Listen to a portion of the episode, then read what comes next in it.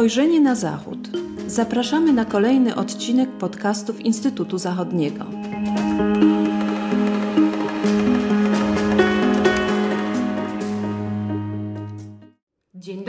Z tej strony Małgorzata Bukiel. Witam w kolejnym odcinku podcastów Instytutu Zachodniego. Pretekstem do dzisiejszego spotkania jest przypadająca w tym roku setna rocznica powstania Związku Polaków w Niemczech, która przypada na 27 sierpnia.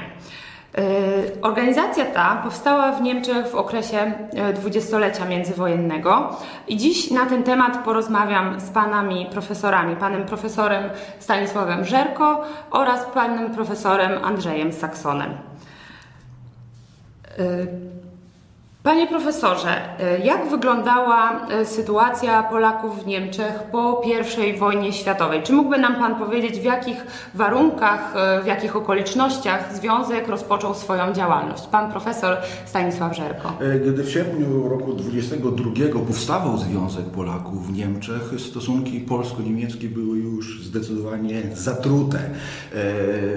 W Niemczech nie, Niemcy nie mogły się pogodzić z utratą e, znacznych części e, terytorium Rzeszy Niemieckiej na wschodzie. Chodziło o Pomorze e, Gdańskie, chodziło o Wielkopolskę, a także o znaczną część górnego Śląska.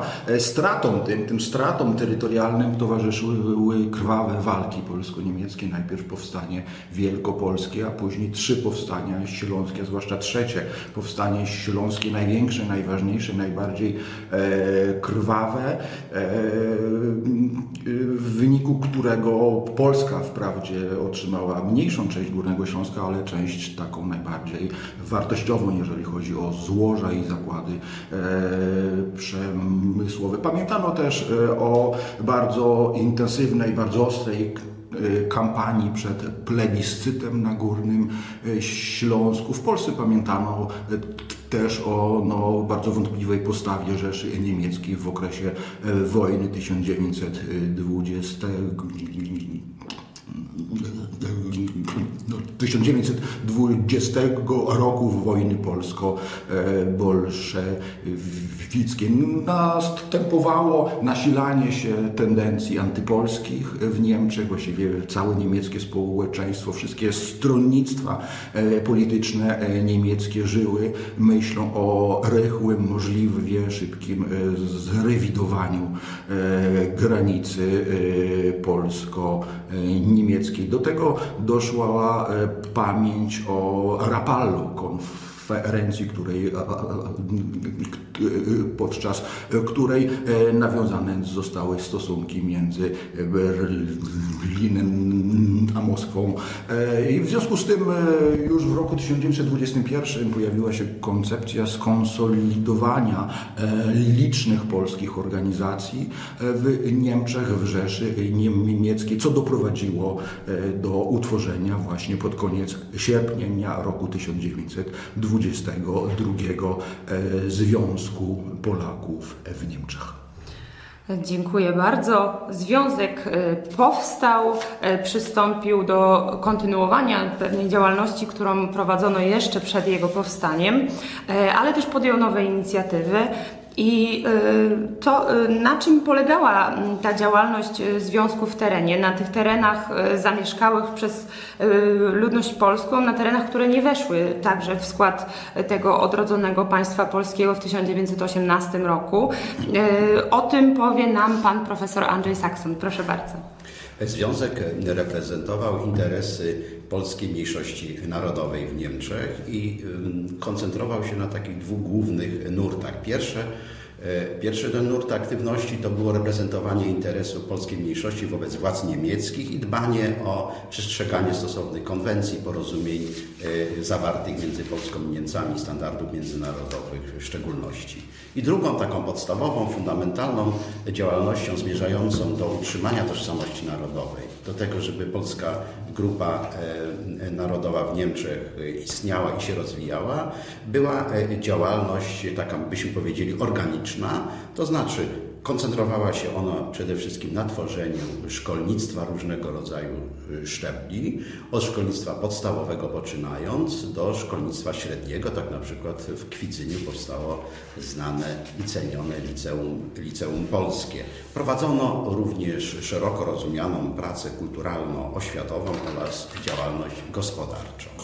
Jeśli chodzi o mm, tą y, działalność oświatowo-kulturalną, to ona przedstawiała się między innymi w takich formach jak prowadzenie, jak to mówiono, ochronek, czyli przedszkoli, wspomniany już system szkolnictwa mniejszościowego, tworzenie sieci różnego rodzaju y, bibliotek oraz prowadzenie szeroko rozumianej pracy oświatowej, różnego rodzaju spotkań, debat, wycieczek do Polski. Innymi słowy, również zacieśnianie kontaktów z macierzą, jak to mówiono, czyli z Polską. No i wreszcie, żeby ukształtować podstawy działalności organizacyjnej, prowadzono różnoraką działalność gospodarczą, między innymi poprzez sieć polskich banków, różnego rodzaju przedsięwzięć itd. Tak Niezależnie od tego prowadzono intensywną działalność oświatową w postaci różnego rodzaju gazet i czasopis, jak na przykład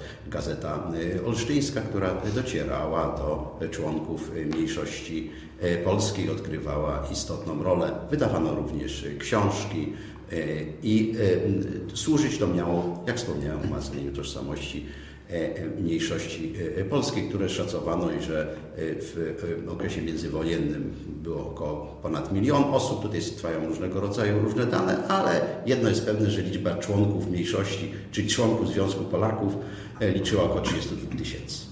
To jest bardzo pokaźna grupa ludzi, która prowadziła, no, z tego co y, tutaj wiemy, y, y, rozliczne działania na wielu różnych polach. Te działania edukacyjne szczególnie odgrywały mm, znaczącą rolę. Dzieci mogły kształcić się w szkołach polskich, gdzie językiem wykładowym był język polski.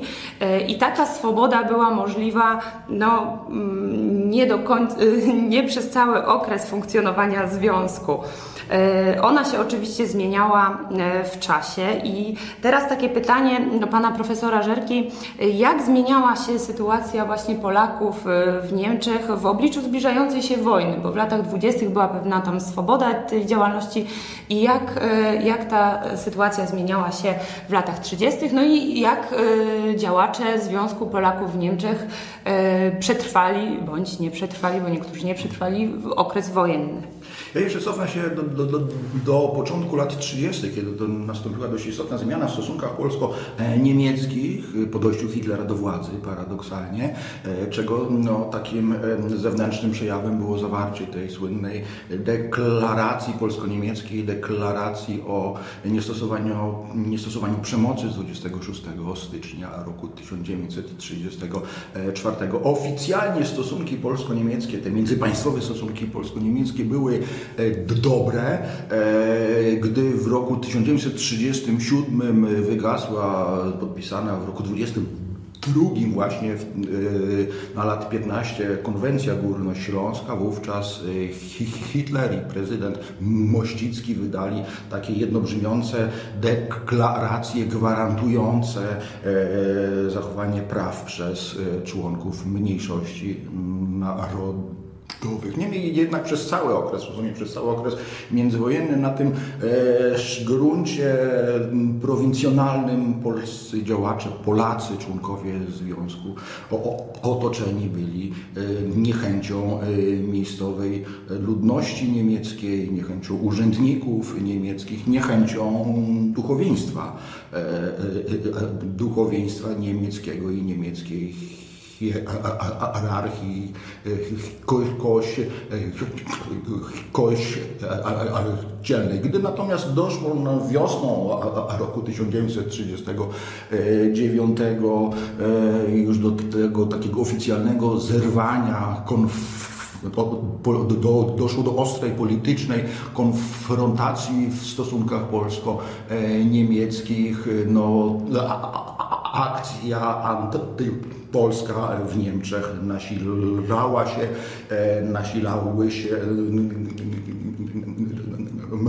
mnożyły się napaści na polskich działaczy już pod koniec, w ostatnich tygodniach przed niemiecką agresją pod koniec sierpnia mnożyły się aresztowania polskich y, działaczy. One się oczywiście nasiliły po 1 y, września 1939. Po agresji na Polskę łącznie aresztowano od y, mniej więcej od tysiąca do dwóch tysięcy działaczy i członków związków Około 200 aresztowanych straciło następnie e, życie, niektórzy w wyniku wykonania wyroków sądowych za zdradę e, Rzeszy w cudzysłowie, a inni zostali e, zamordowani w siedzibach gestapo lub w obozach koncentracyjnych.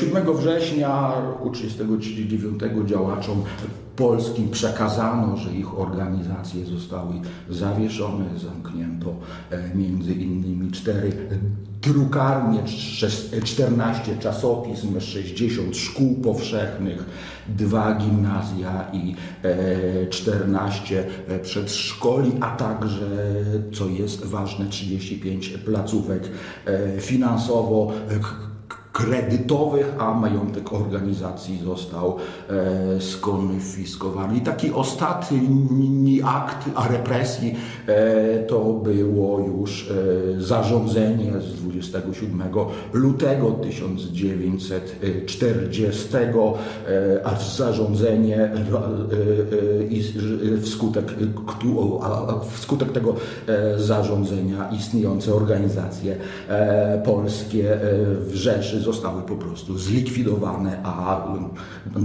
a, a, a organizacje nowe nie mogły być tworzone.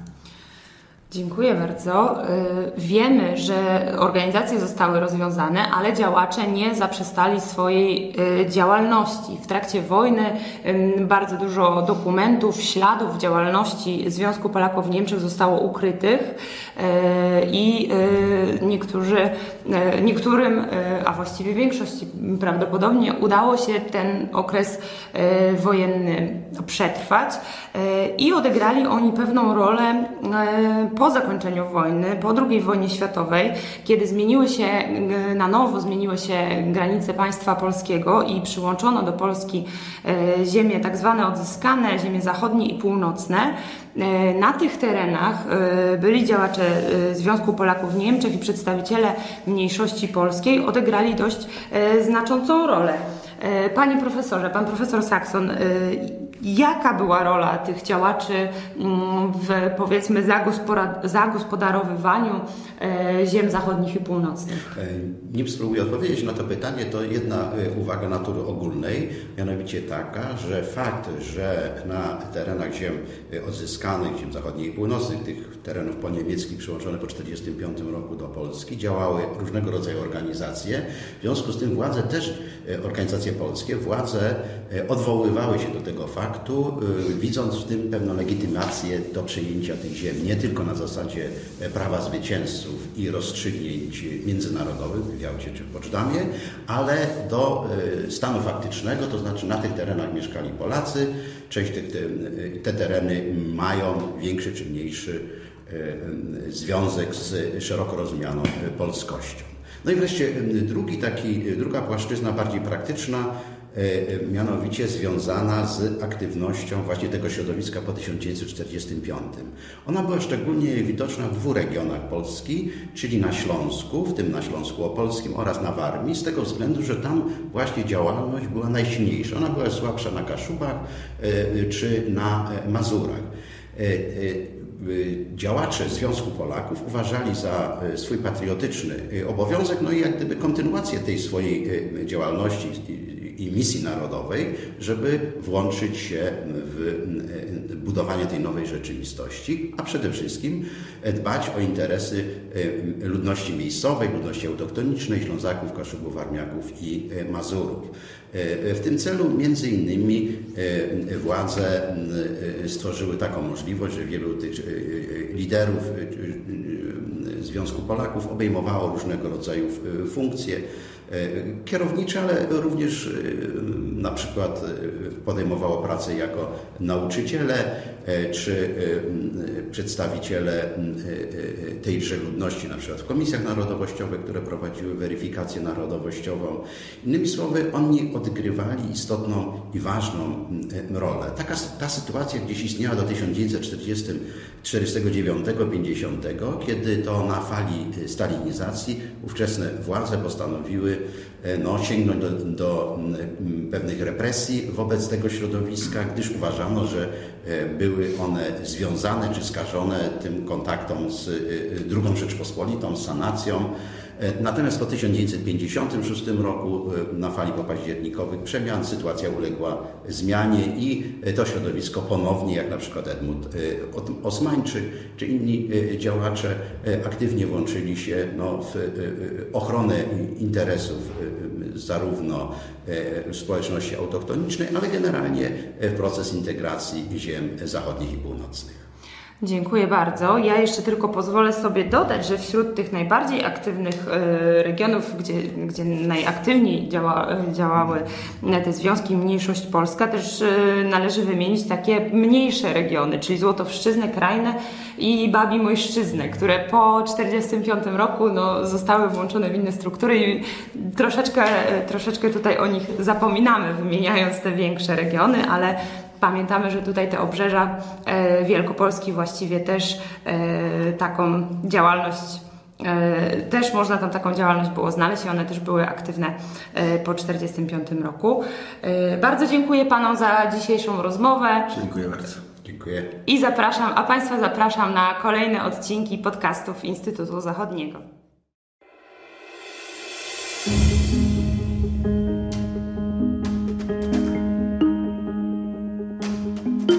Spojrzenie na Zachód. Podcasty Instytutu Zachodniego.